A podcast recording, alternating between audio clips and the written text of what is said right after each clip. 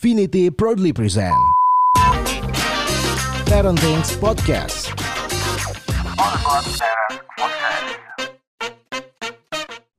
Hello, hello, Finisher. Ketemu lagi dengan saya Bem. Nah, episode kali ini uh, saya ingin menawarkan sesuatu yang berbeda.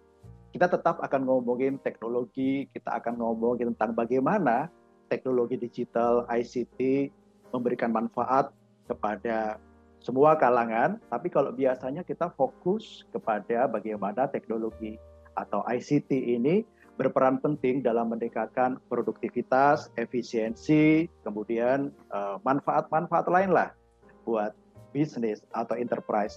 Nah, sekarang saya pengen ngajak Finison sekalian untuk berbicara tetap tentang teknologi, tapi dari perspektif yang lain.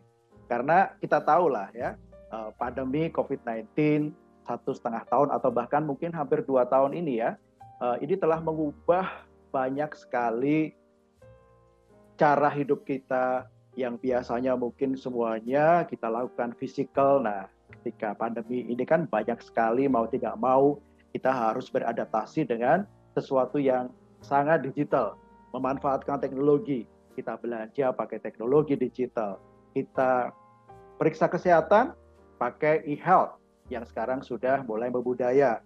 Kemudian banyak sekali termasuk belajar di rumah, bekerja di rumah. Nah, di WhatsApp grup saya gitu untuk orang tua orang tua murid gitu ya banyak sekali cerita-cerita yang menarik kalau kita bicara masalah bagaimana teknologi mempengaruhi kehidupan kita anak-anak kita mau tidak mau harus belajar uh, beradaptasi dengan menggunakan platform-platform teknologi digital kemudian orang tua pun seperti kita juga mau tidak mau harus beradaptasi dengan platform-platform tersebut banyak sekali uh, platform digital yang menjadi budaya baru kita. Tapi berbicara tentang bagaimana dampak manfaat dari teknologi ini kepada kehidupan kita sehari-hari, ternyata tidak hanya memuat cerita-cerita indah, cerita-cerita positif saja. Banyak sekali, terutama di WhatsApp group ya, kemudian di Facebook Facebook kita, banyak sekali yang kemudian kita sebagai orang tua sering mengeluhkan, aduh anak gue ya, ini zamannya sekarang malah tidak belajar, mereka malah main game gitu.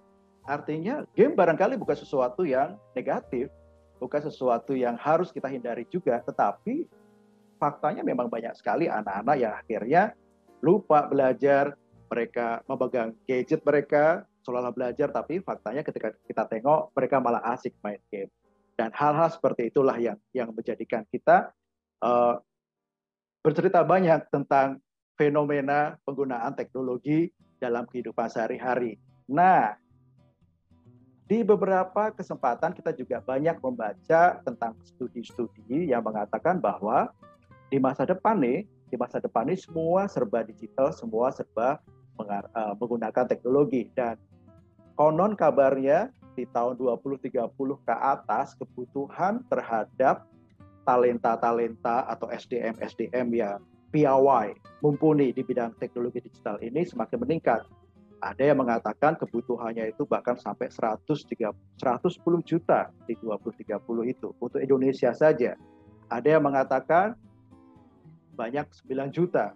Bervariasi, tetapi intinya bahwa generasi mendatang anak-anak kita apa pun profesinya mereka dituntut untuk menguasai teknologi digital yang akan berpengaruh di bidangnya nanti masing-masing.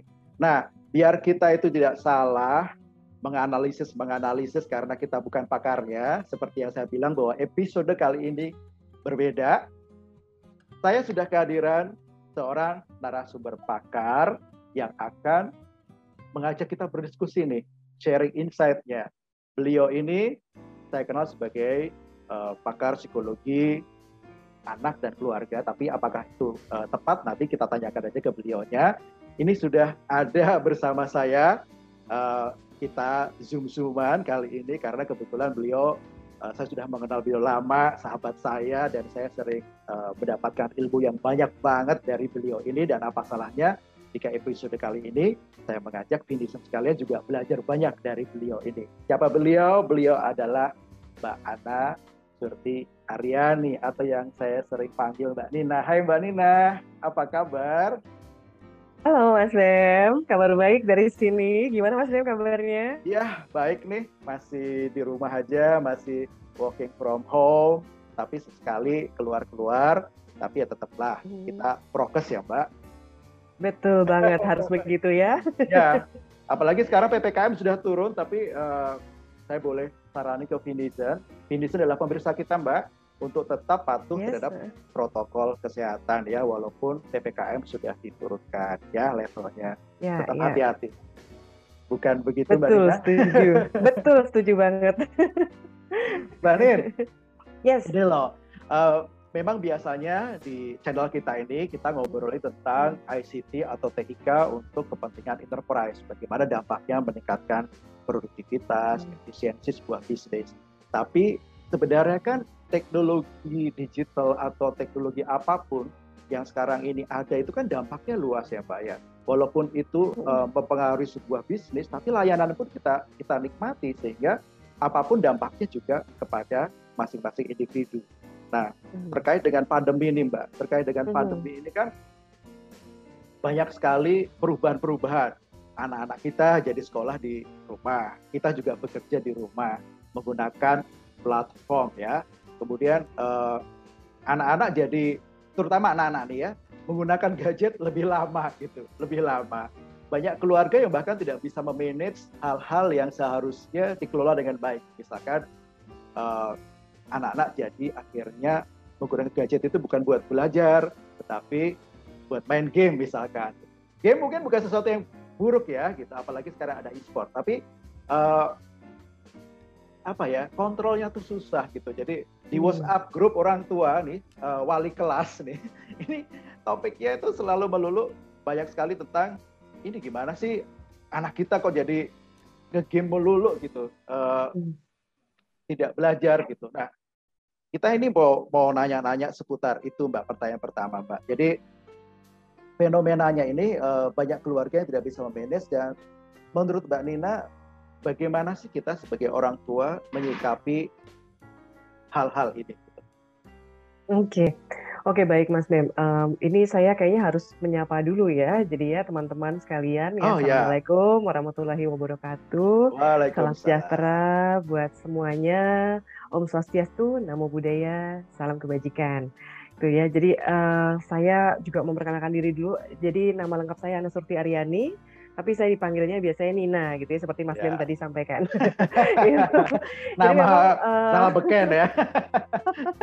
gitu. Jadi kalau apa sehari-harinya memang bekerjanya sebagai seorang psikolog klinis uh, dengan peminatan utamanya memang di bidang anak dan keluarga gitu. Nah, jadi memang apa yang terjadi akhir-akhir ini nih memang beneran sih sesuai dengan apa yang tadi Mas Bem sudah cerita ya gitu. Nah, jadi uh, bener banget nih Mas Bem. Uh, ini kan memang kalau dalam kondisi pandemi ini uh, kita tuh jadi punya kebutuhan lebih tinggi ya uh, terhadap sosial media.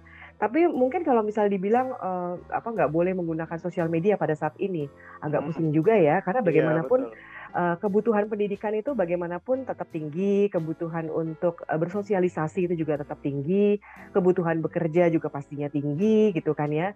Lalu kemudian uh, apa bagaimana kita perlu mendapatkan dukungan gitu ya dari uh, orang lain itu antara lain juga bisa kita uh, apa dapatkan gitu ya kebutuhan tersebut lewat dunia digital gitu. Jadi kayaknya memang tidak mungkin nih kalau kita uh, off sama sekali gitu ya dari dunia digital gitu ya. Uh, terus terang saya nggak kebayang tuh kalau zaman-zaman nenek moyang kita yang waktu itu misalnya menghadapi pandemi influenza ya tanpa uh, digital gitu ya dan mungkin mereka juga pengetahuannya juga berbeda tentunya daripada kita. Kalau kita berada di zaman yang itu mungkin stresnya jauh lebih tinggi ya. Sekarang aja yeah. kita tetap stres ya walaupun seperti ini. Gitu. Nah, namun memang betul sekali uh, ini menjadi sumber uh, stres baru juga gitu ya. Apalagi banyak sekali uh, apa orang tua yang juga khawatir sebetulnya dengan penggunaan uh, gadget anak-anaknya. Tuh. Nah, tapi saya mau kasih kabar baik dulu nih, uh, Mas Bem. Ya, jadi uh, memang uh, sebetulnya tuh ada batasan-batasan uh, durasi, gitu ya, untuk penggunaan gadget gitu. Batasan durasinya itu uh, adalah kalau misalnya di bawah 18 bulan memang sebaiknya tidak menggunakan sama sekali. Terus kemudian antara 18 bulan ya sekitar satu setengah tahun sampai dua tahun ya itu uh, usia satu setengah sampai dua tahun itu kalaupun dia menggunakan adalah sesuatu yang sifatnya interaktif. Jadi kayak misalnya ngobrol, telepon, uh, bukan nonton. Ya kalau nonton itu kan hmm. dia cuma uh, pasif saja gitu ya. Yeah, kalau iya. misalnya yeah. masih interaktif itu masih diperkenankan asalkan dengan pendampingan orang tua. Kemudian batasannya 2 sampai sekitar 6 tahun itu satu jam dalam sehari dan 6 sampai sekitar 12 tahun itu dua jam dalam sehari. Tapi itu adalah batasan penggunaan yang sifatnya rekreasional. Hmm. gitu. Jadi kalau penggunaannya adalah untuk edukasi, sebetulnya jauh lebih luas daripada itu, gitu. Jadi kayak misalnya tadi, uh, hah anak saya tujuh tahun batasannya hanya dua jam dalam sehari, gimana caranya sekolahnya aja lima jam gitu misalnya ya. ya nah okay. itu masih tetap bisa dilakukan gitu.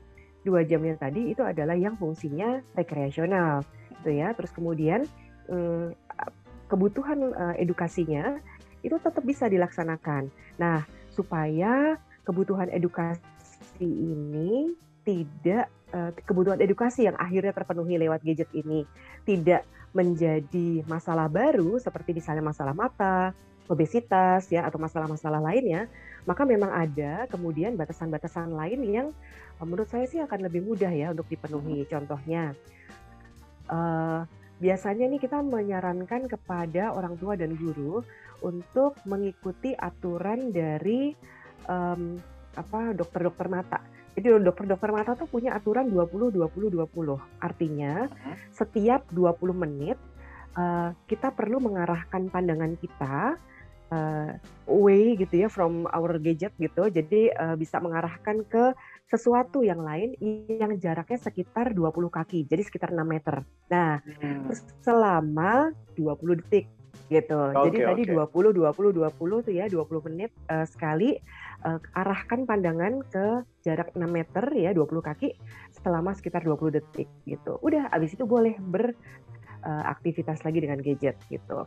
Atau katakanlah pada anak-anak uh, dalam 20 menit itu bukan hanya mengarahkan pandangannya uh, ke sesuatu yang berjarak 6 meter, tapi juga misalnya dia stretching tubuh ya atau bergerak dan lain sebagainya. Itu akan lebih mengamankan buat mereka, juga mengamankan buat guru atau orang tuanya. Lalu kemudian yang juga menjadi batasan lain yang bisa mengamankan penggunaan gadget ini adalah kalau misalnya gini Mas Bem, uh, kita memastikan bahwa yang dilihat itu memang benar-benar pelajarannya tuh ya.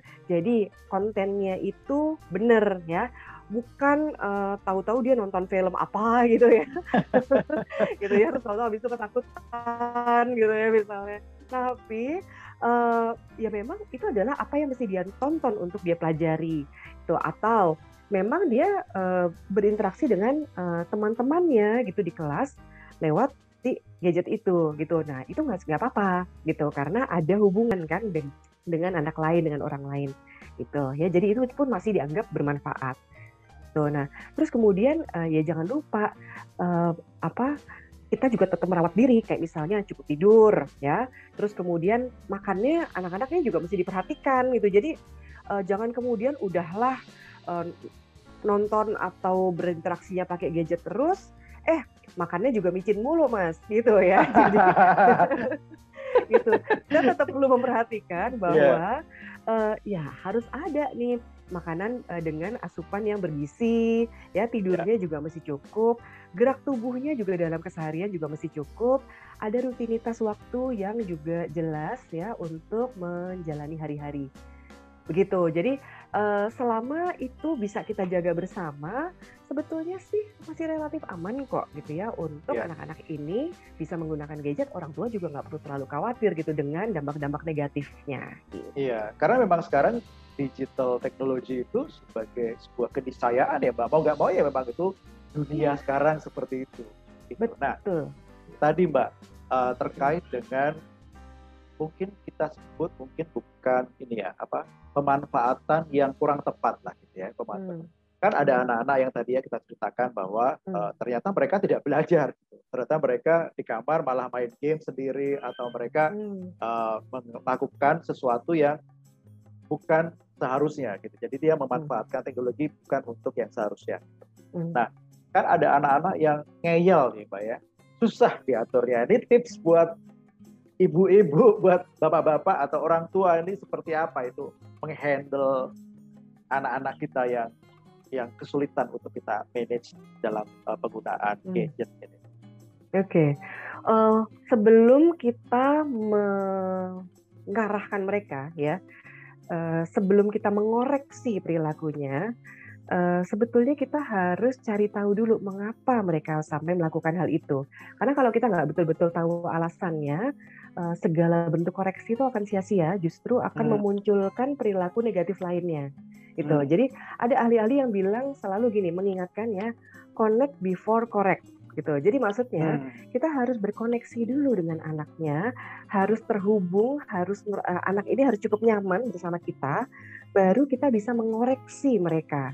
Gitu. Kalau misalnya hubungan ini, connect ini belum terjadi, correct itu hanya menghasilkan sesuatu eh, oke perilaku yang itu benar, tapi ada perilaku negatif lain yang kemudian muncul. Sementara kalau connect-nya ini berjalan, ya udah energinya itu hanya untuk memperbaiki perilaku yang kurang eh, tepat itu gitu. Nah, jadi eh, ada sebetulnya alasan-alasan ya mengapa eh, seorang anak tuh eh, tidak terus-terusan tekun gitu ya belajar, justru mereka malah membuka hal-hal lainnya gitu ya, YouTube-nya kah, main game kah dan lain sebagainya. Ada yang em, memang udah eh, nangkep gitu ya. Jadi saking pinternya gitu ya ini anak, ya udah gitu. Ini gurunya udah eh, jelasin, dia udah nangkep. Tapi kan guru harus menjelaskan kepada sekian banyak teman Iya. lainnya yang belum nangkep. Gitu. Betul, betul. Nah, karena anak ini udah nangkep duluan, bosenlah dia, sehingga dia melakukan hal-hal lainnya, gitu Terlalu kan. pinter ya Nah, anak ya. Pad- itu dia. Nah, pada Iya. anak-anak yang terlalu pinter, gitu, kalau kita omelin, dia mungkin udah, uh, udah enak suruh dengerin, gitu kan. Terus Iya, kemudian iya, tetap aja dipaksa, gitu ya. Jadi memang mesti dicarikan alternatif kegiatan lainnya. Itu misalnya, memang soal-soal buat anak yang lebih pinter itu misalnya dipersulit atau dia ditambahkan jumlahnya dan lain sebagainya. Nah, ada juga nih anak-anak yang eh, apa eh, dia justru mungkin blank total dengan apa yang dijelasin guru. Jadi kalau yang tadi nangkep banget ya, kalau yang ini dari awal dia udah nggak nggak ngeling Nggak sama guru. ya. gitu. Jadi Ini ngomong Gitu. apa gitu ya. Ini penjelasan apa guru sih? ngomong apa gitu ya. Ini bisa Iya. terjadi ya eh, baik karena misalnya sinyalnya yang bermasalah ya. Jadi ada be- beberapa eh, anak ya yang memang juga sampai ditangani oleh psikolog dan ternyata ditemukan ini masalahnya bukan di anaknya, bukan di gurunya, tapi Oh. sinyalnya. gitu karena misalnya rumahnya dia itu Oh, di apa, sinyalnya. gedung-gedung Nah, ini sinyalnya. Ini menarik kan gitu ya. Jadi kayak misalnya ada nih satu ini input yang menarik juga nih buat orang tua ya, Mbak. betul. Betul, Mas. Jadi eh, ini misalnya waktu itu ada salah satu yang eh, kami tangani. Em, ini kayaknya sinyal saya ya yang agak sedikit bermasalah barusan ya. Kita ngomongin sinyal, sekarang sinyalnya bermasalah. Jadi mungkin seperti Karena itu ya. sinyal. Tapi ini contoh yang benar ya, contoh yang paling sesuai Iya, dengan benar. Heeh. Ra- Jadi langsung relate ya. Ya, just relate. Jadi kayak misalnya gini waktu itu ada salah yang eh, kami tangani anak ini anak kelas 2 SD eh, tadinya tuh dia bagus banget ketika belajar tapi terus kemudian semenjak dia mengikuti pembelajaran online itu merosot gitu. Jadi kadang-kadang dia eh, ada di depan eh, laptopnya tapi males banget ya untuk eh, mengikuti. Terus dia nggak ngerjain tugas dan lain sebagainya. Terus waktu dilakukan pengecekan ternyata eh, rumahnya tuh memang berada di tadi tuh eh, satu RT ya yang di gang gitu dengan sekelilingnya dia tuh ada gedung-gedung tinggi sehingga sinyalnya keserap nih kayaknya sama gedung-gedung tinggi rumah-rumah yang di area situ tidak bisa gitu mendapatkan sinyal yang baik gitu dan dan kalau lagi masa Ya. pandemi kan eh, sarannya adalah nggak keluar-keluar rumah ya. Jadi bagaimana dia mau ke kafe gitu misalnya untuk mencari sinyal yang lebih baik ya kan? Tuh. Nah, jadi uh, dia tetap uh, mencoba untuk uh, bertahan gitu ya di dalam rumahnya itu dengan uh, keterbatasan sinyalnya, tapi akhirnya anaknya jadi blank total nih. Dia benar-benar nggak nangkep apa yang disampaikan guru dari awal sampai terakhir. Jadi kayak gitu daripada dia nggak nangkep, dia juga males kan gitu. Nah terus kemudian dia main, dia nonton dan lain sebagainya gitu. Nah pada yang kayak gini, ya apa boleh buat? Uh, apa intervensinya atau apa yang bisa dilakukan ya memang memperbaiki koneksi sinyal apalagi gitu kan Nah, ada alasan lain nih Mas Bem. Misalnya uh, anaknya ini justru punya isu-isu uh, tertentu gitu ya sama gurunya atau sama teman-temannya. Dia musuhan kah, abis dimarahin kah sama gurunya, atau abis kesel sama teman-temannya, dan teman-temannya itu juga ada di uh, kelasnya gitu misalnya ya, itu pun juga bisa uh, mempersulit si anak untuk bisa berkonsentrasi penuh gitu dalam pelajarannya.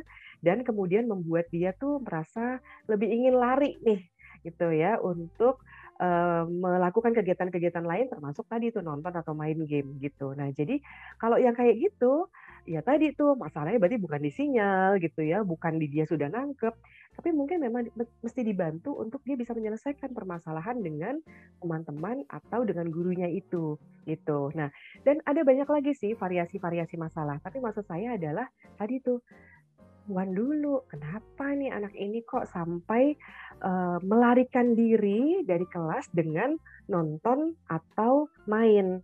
Kalau kita nggak tahu alasannya, kita nggak bisa betul-betul membantu dengan tepat. Saya kira seperti itu, Mas Ben. Oke. Nah. Ah, jadi Mbak Nina kalau tadi saya dengar penjelasan dari Mbak Nina, sebenarnya kalau kita harus menganalisis apa yang terjadi pada anak-anak kita terhadap penggunaan teknologi itu harus dari uh, perspektif yang luas ya, cara pandang yang luas. Ternyata memang banyak sekali eh, persoalan-persoalan atau barangkali Eh, kendala-kendala yang tidak hanya tadi tidak hanya kendala yang biasa tapi ternyata kendala teknis pun kadang-kadang ini menjadi satu hal yang harus menjadi pertimbangan kita ketika kita mencoba uh, apa ya me mengatasi persoalan anak-anak kita. Nah, Mbak, tadi kan di sana ada manfaat, banyak banget manfaatnya dan memang mau nggak mau seperti yang kita bilang tadi bahwa teknologi adalah sebuah keniscayaan buat uh, kehidupan kita sekarang. Nah, Mbak, uh, literasi digital ini menjadi sangat penting ya untuk kita kasih ke anak-anak kita. Nah, tapi uh, bagaimana sih Mbak cara kita yang Ya Mbak, berarti kalau tadi uh, saya dengar penjelasan dari Mbak Nina, memang persoalannya tidak tidak satu tambah satu dua ya, tapi ternyata memang kita harus melihat dari perspektif yang luas. Bahkan persoalan sinyal aja ternyata membuat cerita lain gitu. Jadi kita sebagai orang tua masih harus lihat-lihat juga nih seperti apa. Nah, sekarang terkait dengan penggunaan teknologi secara luas, Mbak. Tadi kan masih ada anak-anak yang memang lepas kendali gitu ya. Artinya mereka tidak patuh pada kita, tidak disiplin. Gitu. Kemudian juga ada juga nih anak-anak yang sudah mulai memanfaatkan dengan baik untuk diskusi dengan temannya, untuk berhubungan dengan guru dan bahkan mereka mungkin lebih canggih daripada kita dalam pemanfaatan teknologi gitu. Nah, ini kaitan sama literasi kata. Hmm. Literasi. Ini seberapa penting sih Mbak uh, literasi ini, literasi teknologi ya, ditanamkan kepada anak baik oleh guru, baik oleh orang tua sejak umur berapa atau sejak kapan ini biar biar efektif gitu, dan biar pemahaman anak bahwa teknologi itu manfaatnya seperti ini loh gitu. atau hmm kita tidak boleh loh memanfaatkan teknologi untuk uh, kita salah gunakan. Nah itu sejak umur hmm. berapa itu kira-kira Mbak? Um, sebetulnya sih bisa dibilang sejak dini ya Mas Bem ya. Uh, dan sejak dini itu tidak berarti anaknya harus diperkenalkan dengan si gadgetnya itu. Hmm. Katakanlah tadi uh, kita uh, berinteraksi dengan anak kita yang satu setengah tahun. Tadi kan saya sudah sempat bilang ya, yeah. satu setengah sampai dua tahun itu sampai pada saat ini rekomendasinya adalah belum boleh nih menggunakan gadget secara mandiri baru bolehnya tuh kalau misalnya berinteraksi, misalnya menelpon atau video call gitu ya hmm. dengan uh, orang lain, misalnya nenek atau kakeknya atau siapa pun itu. Nah, uh, itu pun tetap kita bisa berikan literasi walaupun kita tidak memberikan gadget tersebut kepada anaknya. Contohnya dengan kita menyampaikan seperti ini. Uh, hati-hati pegangnya ya nak gitu ya. Kalau ini jatuh nanti jadi rusak. Gitu. Misalnya itu sudah menjadi literasi untuk si gadgetnya itu sendiri. Kemudian uh, kita bisa menyampaikan wah asik ya kita bisa ngobrol sama nenek. Padahal kita udah lama nggak ketemu nenek. Nenek rumahnya jauh banget gitu. Nah itu kita sudah menyampaikan manfaatnya gadget itu. Antara lain untuk kita bisa berinteraksi loh dengan orang-orang yang uh, tidak sedang berada bersama kita ya. Termasuk uh, bahwa uh, dia ini bisa mendekatkan kita dengan orang-orang yang sekarang ini sedang jauh gitu misalnya seperti itu hmm. ya nah kemudian semakin anak ini besar ya misalnya tadi usia uh, apa yang sudah bisa menggunakan secara mandiri ya, uh, tapi dengan terbatas, katakanlah ini usia 4 tahun, lima tahun gitu ya, mungkin anaknya udah seneng foto-foto, udah seneng uh, apa klik klik klik gitu ya gadget orang tuanya. Nah itu kita bisa menyampaikan uh, kalau mau foto lihat-lihat gitu. Misalnya kita bisa bilang kalau lagi mandi nggak ada yang boleh difoto. Tuh, nah itu kan sebetulnya mengajarkan juga kepada anak um, apa ya jangan telanjang di depan layar Betul, gitu ya. ya. Itu penting ya. sekali loh gitu ya. Nah, termasuk juga menghormati orang lain dengan gadgetmu gitu ya. Kalau orangnya nggak mau difoto, jangan difoto. Kita bilang dulu sama orangnya, boleh nggak saya foto? Gitu misalnya seperti itu. Nah, terus kemudian apa? Kan biasanya udah mulai melihat-lihat gitu ya. Kita bisa menyampaikan, oh nggak semuanya ini boleh di pencet-pencet gitu ya atau di uh, klik-klik gitu ya. Ada yang kalau mau klik yang itu harus bilang dulu sama ibu gitu. Nah itu pun kita mengajarkan uh, pentingnya konsen atau izin gitu ya dalam penggunaan gadget. Termasuk juga bahwa ada uh, apa uh, aplikasi tertentu yang boleh dia gunakan dan ada yang tidak boleh dia gunakan gitu. Uh, kita juga bisa sih membatasi lewat misalnya uh, kan ada ya sekarang uh, child screen gitu. Jadi uh, apa ketika misalnya anak kita menggunakan uh, gadget itu kita memastikan bahwa yang ada di uh, layarnya itu itu hanya aplikasi-aplikasi uh, yang memang ramah anak gitu. Aplikasi perbankan tidak ada di situ, aplikasi email kantor nggak ada di situ gitu misalnya ya. Yeah, Terus kemudian yeah. aplikasi apalah gitu ya, yang lain juga nggak ada di situ. Itu benar-benar yang um, child friendly uh, application gitu misalnya gitu. Nah itu misalnya uh, kita bisa sampaikan, nih apa yang kamu buka itu beda sama yang uh, apa ayah buka karena ada yang buat kerja gitu, ada yang buat um, urusan kantor gitu misalnya ya itu juga memberikan pesan pada anak bahwa ada begitu banyak aplikasi yang ada sebetulnya di gadget dan itu bisa bermanfaat gitu buat kita juga gitu ya. Terus kemudian juga kayak misalnya batasan-batasan gitu ya bahwa kalau nantinya tuh kita mau posting di sosmed ada yang nggak boleh diposting gitu. Kayak misalnya nih kita mau pergi ke kota lain ada tiket Nah tiketnya jangan diposting gitu ya, jangan ditunjukin sama orang-orang lain. Kita aja yang tahu, kita aja yang pegang hati-hati ya nak gitu. Terus kemudian kalau misalnya uh, apa termasuk yang kayak kita lagi berada di mana, nggak usah langsung kita uh, cerita gitu di sosmed gitu, sedang berada di mana gitu ya. Apalagi kalau kita lagi sendirian atau lagi ada orang di rumah yang sendirian gitu, karena itu bisa saja dimanfaatkan oleh orang-orang yang uh, niatnya nggak baik gitu. Misalnya lagi sendirian terus tahu-tahu disamperin ya. Kemudian ada yang uh, apa melakukan hal-hal buruk gitu kepada orang tersebut gitu. Misalnya seperti itu gitu. Nah jadi sebetulnya dalam keseharian baik pada anak-anak yang kecil maupun yang besar kita bisa menyampaikan segala bentuk literasi digital. Tentunya sesuai dengan konteksnya dengan bahasa yang sesuai dengan pemahamannya gitu ya, gitu ya. dengan uh, isi literasi digital yang memang uh, sesuai dengan apa yang sedang uh, dia alami gitu. Jadi jangan juga kita tuh menyampaikan sesuatu literasi digital yang sebetulnya uh, apa kompleks banget gitu ya untuk anak-anak gitu. Yang sederhana-sederhana aja. Begitu dia paham uh, ada batasan-batasannya, begitu dia paham bahwa oh ini harus dicek lagi ininya, nggak boleh itu, bolehnya ini, mesti digimanain. Nah, itu kan akan menjadi pondasi dia dalam berperilaku kepada uh, orang-orang lain nantinya. Seperti itu Mas Bem. Iya. Jadi lewat tindakan simple tapi udah dipahami ya. Beda sih ya kalau hmm. yang ngomong Mbak Nina gitu ya. Kita nggak kepikiran untuk untuk memberikan contoh-contoh seperti itu. Nah ini mudah-mudahan Kindizen ini dapat ilmu yang banyak. Ini sesuatu yang sederhana gitu, tapi kita sering sering tidak terpikirkan gitu memberikan contoh-contoh yang simple lewat tindakan langsung gitu ya Mbak ya. Keren Mbak. Thank you banget Mbak Nina. Nah Mbak, kalau kita itu tadi kan kita ngobrolin tentang anak-anak yang mungkin masih usia uh, eh, SD atau ke bawah gitu ya, masih masih TK. Nah sekarang ini hmm.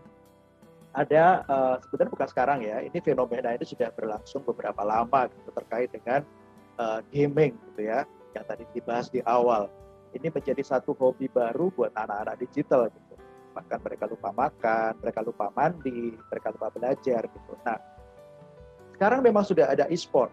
Bahkan di sekolah-sekolah sudah banyak uh, ada ekstrakurikuler yang menaungi anak-anak yang uh, hobi di situ. Juga pertandingan-pertandingan juga banyak. Uh, yang artinya bahwa sebenarnya sudah ada fasilitas. Tapi kan tidak semua anak akhirnya bisa terfasilitasi atau terakomodasi uh, melalui e-sport atau bahkan mungkin uh, yang penyuka game mereka masih belum uh, mengenal betul gitu uh, dunia e-sport.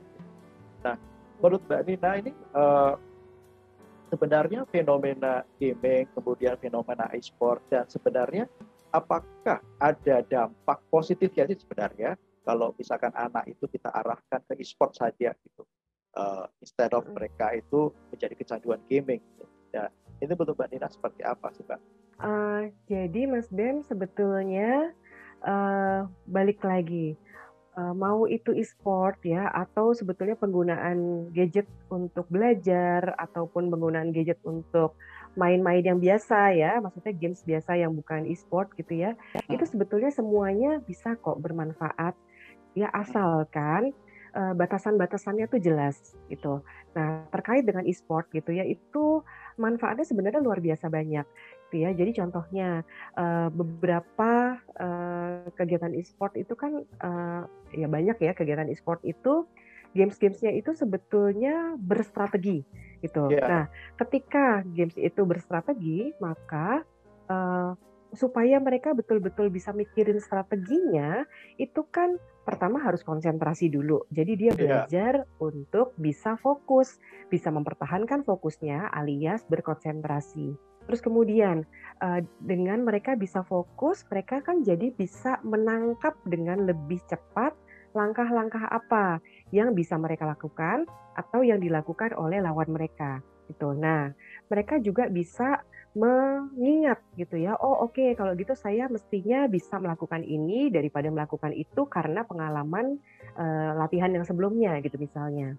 Lalu uh, tadi tuh kemampuan analisisnya itu kan juga semakin meningkat dan uh, kemampuan berstrateginya itu jadinya juga meningkat. Nah, ketika e-sport ini uh, dilakukan dalam tim maka ada keterampilan yang juga meningkat yaitu keterampilan bekerja sama.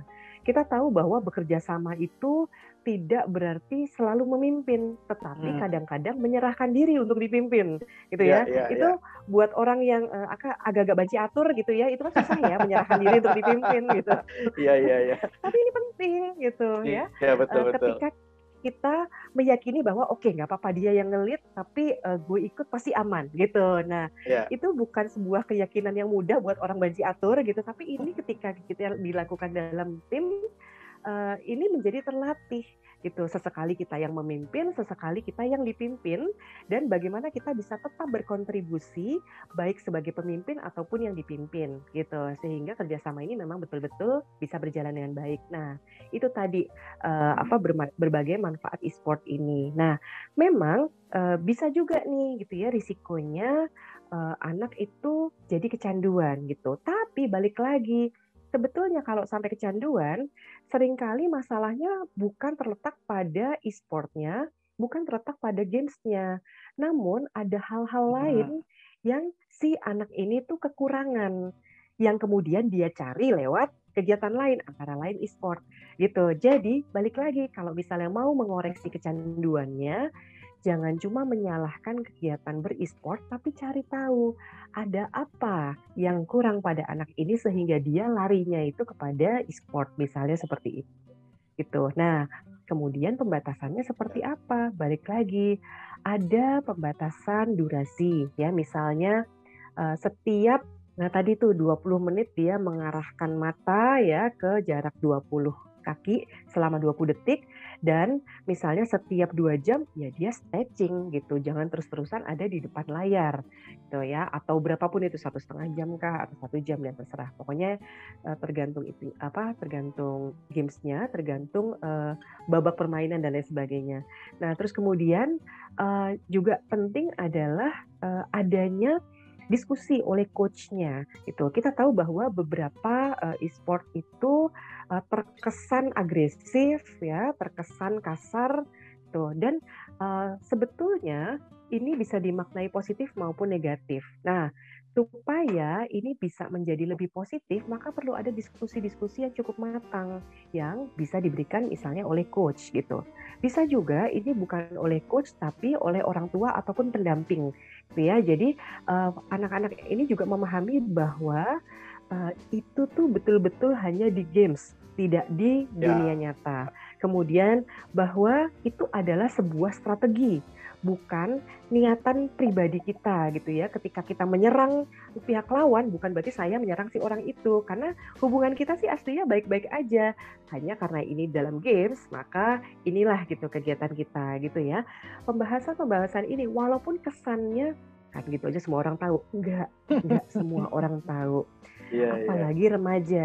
Remaja justru yeah. perlu nih diingatkan adanya perbedaan-perbedaan nuansa yang semacam ini supaya dia nggak betul-betul jadi terlibat mendalam sekali gara-gara dia menganggap seseorang itu adalah musuhnya Musuh, di game, ya, ya. dia juga musuhan gitu. Kan beda ya gitu ya. ya, ya. Nah, tapi ini kan bukan sesuatu yang gampang buat seorang anak ataupun remaja. Jadi di sinilah sebetulnya butuh uh, diskusi dengan coach ataupun dengan pendamping atau orang tua gitu. Nah, ketika tadi durasinya uh, sudah uh, apa ada batasan, terus kemudian ada diskusi-diskusi ya, ditambah dengan ya tentunya tuh tetap menjaga uh, kehidupan apa uh, lifestyle yang baik ya, tentunya ini akan uh, lebih banyak manfaat kok daripada kerugiannya gitu. Nah, kalau tadi kan kita sudah ngobrol dari perspektif anak nih, dari sudut pandang anak. Nah, sekarang bagaimana nih orang tuanya sendiri nih, Mbak?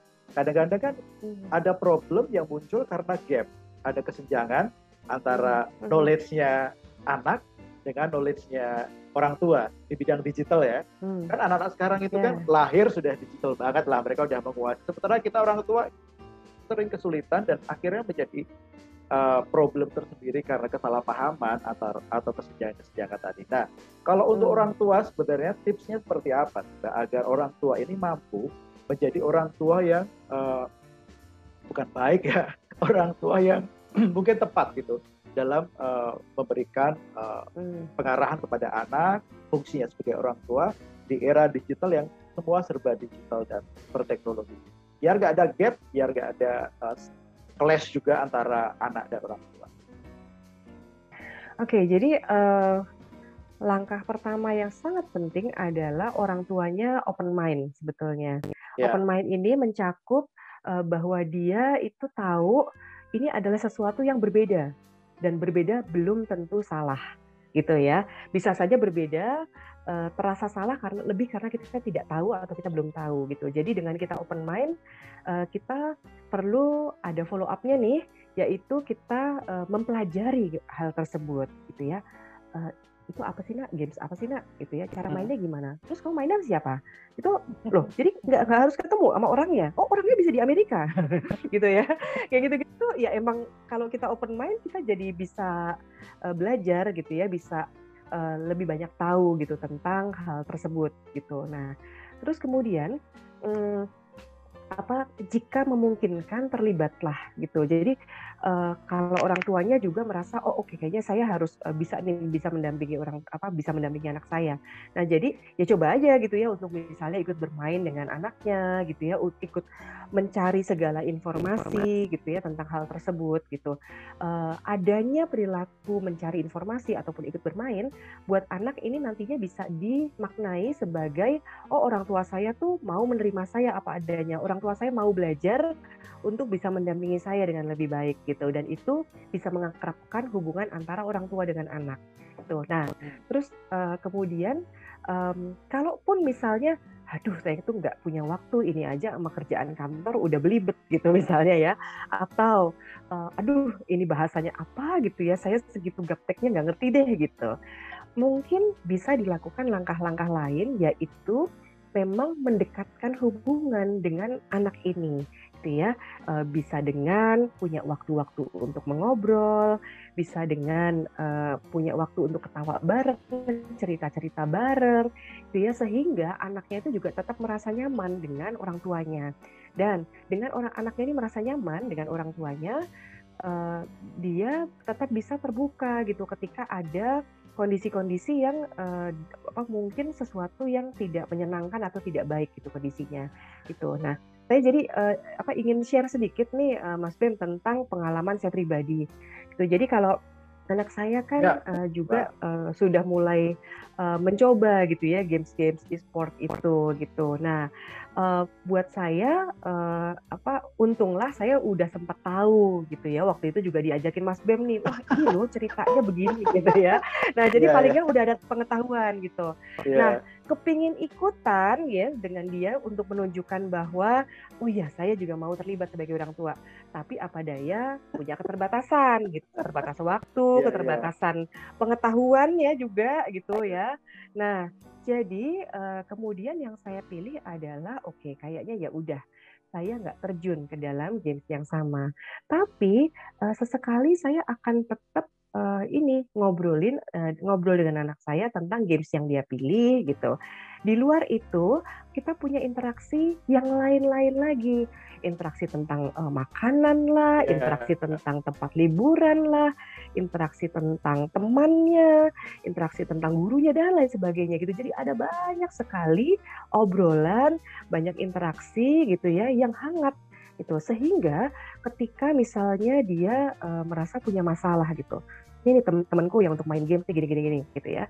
Dia bisa cerita secara terbuka gitu kepada kita sebagai orang tuanya. Dan dengan kita tahu oh anak ini ternyata punya masalah gitu ya atau kok ada perubahan ya pada anak ini, kita bisa dengan cepat langsung membantunya gitu. Kita juga bisa uh, membantu lebih sesuai dengan kebutuhan dia karena kita lebih mengenal dia. Itu Mas Bem. Jadi nggak uh, harus juga kok uh, anaknya suka uh, apa misalnya Mobile Legend terus kita harus main Mobile, Mobile Legend gitu nggak harus kok gitu ya apalagi misalnya ya Ella ini memori di HP juga udah ngapas gitu. udah udah lewat ya untuk yeah, main yeah. gitu gitu ya ya Ella ini nanti ketahuan sama kantor gitu kan udah jadi masalah baru tuh gitu ya yeah. Berarti lakukan langkah lain tapi soal kedekatan itu bagaimana kita connect dengan anak kita itu tetap penting apa pun alasannya Iya, menarik ya.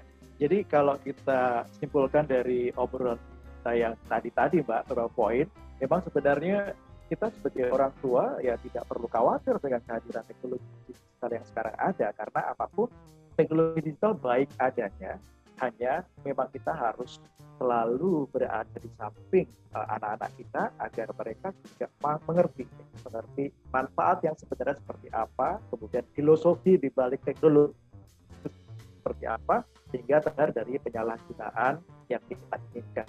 Kan tadi Mbak Nina hmm. juga cerita bahwa ternyata teknologi juga bisa mendekatkan antara orang tua dengan anak dengan berbagai cara yang tadi tipsnya sudah disampaikan oleh Mbak Nina yang luar biasa. Keren banget Mbak. Terima kasih. Nah ini ada satu pertanyaan penutup nih buat Mbak Nina.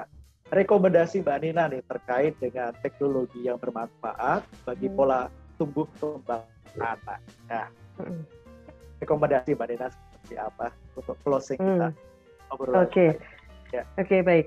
Uh, jadi uh, ketika reko merekomendasi, tentunya saya juga nggak bisa menyebutkan uh, merek atau produk atau aplikasi tertentu ya. gitu ya. ya. Uh, tapi yang saya bisa bilang adalah uh, kalau kepada anak-anak yang masih kecil ya dalam hal ya. ini dua tahun ke atas, uh, cobalah cari uh, aplikasi yang uh, memungkinkan anak itu tetap banyak bergerak, tetap banyak berinteraksi dengan orang hmm. lain gitu ya. Yeah, Jadi yeah. misalnya uh, katakanlah ada uh, aplikasi nih yang memang bukan hanya anaknya itu cuma seret seret seret gitu, tapi misalnya uh, ada instruksi-instruksi untuk anak yang meloncat gitu, terus kemudian hmm. anak yang ngobrol sama uh, ayahnya yeah, iya. menanyakan yeah. sesuatu kepada ibunya meminta sesuatu gitu, sehingga anak ini juga tetap punya interaksi dengan orang-orang di sekitarnya dan uh, tadi adalah ke, apa program-program yang untuk anak-anak yang lebih kecil. Kalau kepada anak-anak usia sekolah memang uh, aplikasi, produk atau lain sebagainya uh, perlu dikaitkan dengan uh, minatnya mereka gitu. Jadi kayak misalnya anak-anak yang suka dengan uh, matematika gitu ya. Jangan salah ini juga cukup banyak. Uh, ini bisa diberikan uh, games atau aplikasi tertentu yang memang memperluas minatnya dalam hal tersebut gitu ya. Juga kepada anak-anak yang punya minat-minat yang lain, mungkin tentang menari kah, mungkin tentang memasak kah gitu dan lain sebagainya itu bisa kita uh, carikan aplikasi atau produk yang memang terkait gitu ya rekomendasinya. Nah kemudian buat yang remaja ini juga tentunya semakin kompleks gitu karena uh, kemampuan mereka dalam memahami itu juga semakin abstrak dan semakin kompleks. Jadi uh, perbanyak juga uh, aplikasi atau produk uh, apa pun yang memang mereka bisa berinteraksi gitu. Nah, tapi memang catatannya adalah untuk semua usia ini ya, baik yang masih kecil, usia sekolah ataupun usia remaja, tetap perlu adanya kedekatan gitu ya dengan orang tua supaya uh, anak ini tetap uh, terdampingi dalam penggunaan uh, dalam perilaku bergadgetnya uh, itu gitu. Jadi mereka juga tetap uh, di dalam koridor gitu. Nah, uh, selain pembatasan durasi dan pembatasan uh, apa kontennya uh, penting juga untuk uh, menambahkan uh, healthy lifestyle gitu alias uh, gaya hidup yang sehat gitu. Supaya betul-betul apa yang uh, dilakukan lewat gadgetnya itu memang hanya hal-hal yang bermanfaat ditambah dengan tidak berkurang gitu kemampuan tubuh kita dalam uh, ber apa ya beraktivitas keseharian karena gaya hidup yang sehat. Sehingga memang uh, ya semaksimal mungkin yang kita bisa dapatkan gitu manfaatnya dari kegiatan kita dengan gadget gitu ya. Dan supaya kita betul-betul bisa mendampingi pastinya orang tua mau nggak mau mesti terbuka pikirannya ya dan tetap punya motivasi atau semangat gitu ya untuk terus bisa mendampingi anak-anaknya dan terus berinteraksi dengan anak-anaknya. Jangan lupa connect before correct Gitu. Jadi sebelum kita bisa mengoreksi anak-anak, kita perlu memastikan kedekatan hubungan kita dulu dengan anak-anak kita. Itu Mas Bim. Iya, yeah, mantap. Connect before correct ya, Mbak. Mm-hmm. Akan saya ingat selalu itu. Dan mungkin Vinicius juga catat ini ya, ini satu petuah yang luar biasa. Dan tadi kita juga sudah mendengarkan banyak hal bahwa Thailand teknologi, teknologi baik adanya, mari kita gunakan seoptimal mungkin agar kita juga kehidupan kita akan jadi lebih baik, lebih efisien, lebih produktif, lebih kompeten dan lebih baik lah intinya ya dengan penggunaan sudah sewajarnya kewajiban kita untuk juga uh, sharing kita punya uh, knowledge kemudian saran kita kepada anak, bagaimana kita juga bisa membina anak-anak kita agar mereka juga memahami, memiliki literasi yang baik, dan kepada enterprise nih dunia bisnis tadi Mbak Mbak Nina punya saran menarik bahwa uh, ternyata banyak sekali aplikasi-aplikasi yang memang bermanfaat dalam mendekatkan anak dan orang tua dan juga mendorong anak untuk uh, aktif, produktif gitu. Nah, buat pengembang layanan nih, pengembang aplikasi, ayo uh, kembangkan sebanyak mungkin ya aplikasi-aplikasi positif yang kira-kira bisa mendorong keluarga, tidak hanya anak, untuk beraktivitas yang lebih positif, kemudian lebih dekat, dan jangan sampai teknologi digital ini uh, menjauhkan yang dekat gitu, Mbak. Kan kadang-kadang kita kan uh, ke mana-mana uh, udah kita saling dekatan masih WhatsAppan gitu, padahal kita ada di dekat ya. Tapi bagaimana teknologi ini justru makin mendekatkan semua keluarga, semua anak, semua kerabat sehingga akan semakin hangat dan semakin damai hidup kita. Kira-kira seperti itu ya Pak. Thank you banget Mbak Nina. Ini uh, sangat insightful obrolan kita. Tadi saya bilang ke Vincent bahwa ini episode yang sangat unik, sangat spesial karena kita mencoba untuk diskusi dari perspektif yang berbeda. Dari sisi end user, dari sisi hmm. orang tua, dari sisi anak, dan kita sudah mendengarkan dari pakarnya langsung. Semoga apa yang disampaikan oleh Mbak Nina ini tetap nancep nih di, di benak kita, di otak kita, sehingga kita tidak salah dalam uh, menggunakan banyak gunakan teknologi untuk kehidupan kita sehari-hari. Thank you banget Mbak Nina, sehat-sehat selalu dan kita nanti akan bertemu lagi kapan-kapan, mungkin offline kalau sudah memungkinkan ngobrol-ngobrol lagi, ngopi-ngopi lagi. Ngomong yang luar biasa seru dengan Mbak Nina selalu gak Oke, okay, thank you banget Kinisa sudah bersama kita dan sekali lagi jangan lupa like, subscribe dan komen termasuk apabila kalian ingin menghadirkan atau berharap kita menginterview seorang tokoh, kalian juga boleh uh, kasih usulan kolom komentar di bawah ini. Oke, thank you banget Kinison, sehat-sehat selalu dan sekali lagi meskipun PPKM sudah diturunkan levelnya, tetap jaga kesehatan kalian, patuhi prokes sehingga kita bisa tetap sehat di tengah situasi yang masih uh, dalam kondisi pandemi. Oke, okay, selamat bertemu lagi di episode yang akan datang dengan cerita-cerita yang sama serunya. Terima kasih, selamat beraktivitas kembali. Bye. Mbak Nina, thank you. Terima kasih, sampai ketemu. Sampai ketemu Mbak Nina. Bye-bye. Hai sahabat Tebi semuanya. Siapa yang di sini kalau di rumah lagi berduaan atau main sama anaknya suka mati gaya? Bingung mau ngapain? Ujung-ujungnya kita nyetel TV atau ngasih handphone atau ngasih gadget boleh kok ngasih gadget. Tapi baiknya juga kita perlu seimbang antara dunia layar dan dunia nyata. Nah, gimana nih seimbang dunia nyata? Ya kita ngobrol, kita main bareng. Karena kan dunia anak dunia main ya. Kalau kita ajak ngobrolin saham mereka nggak ngerti. Tapi kalau kita ajak main, mereka mau main sama kita. Tebi Time hadir buat Anda semuanya, buat mengisi waktu Anda bersama dengan anak-anak Anda semuanya. Dan tentunya bisa mendekatkan hubungan kita sama anak, karena kita bersenang-senang bersama. Plus lagi di beberapa mainan sudah disiapkan panduan dari psikolog TB Time dan tentunya panduan ini isinya buat perkembangan anak-anak kita, sensori, motori dan juga kognitif dan tentunya panduan cara memainkannya. Jadi semuanya singset gampang. Mainan yang lain tinggal dimainin aja. Kalau gitu, sampai ketemu di rumah kamu ya sahabat Tebi. Reach Instagram kami, Tokopedia dan juga Shopee. Dan sampai ketemu sahabat Tebi semuanya. Bye-bye.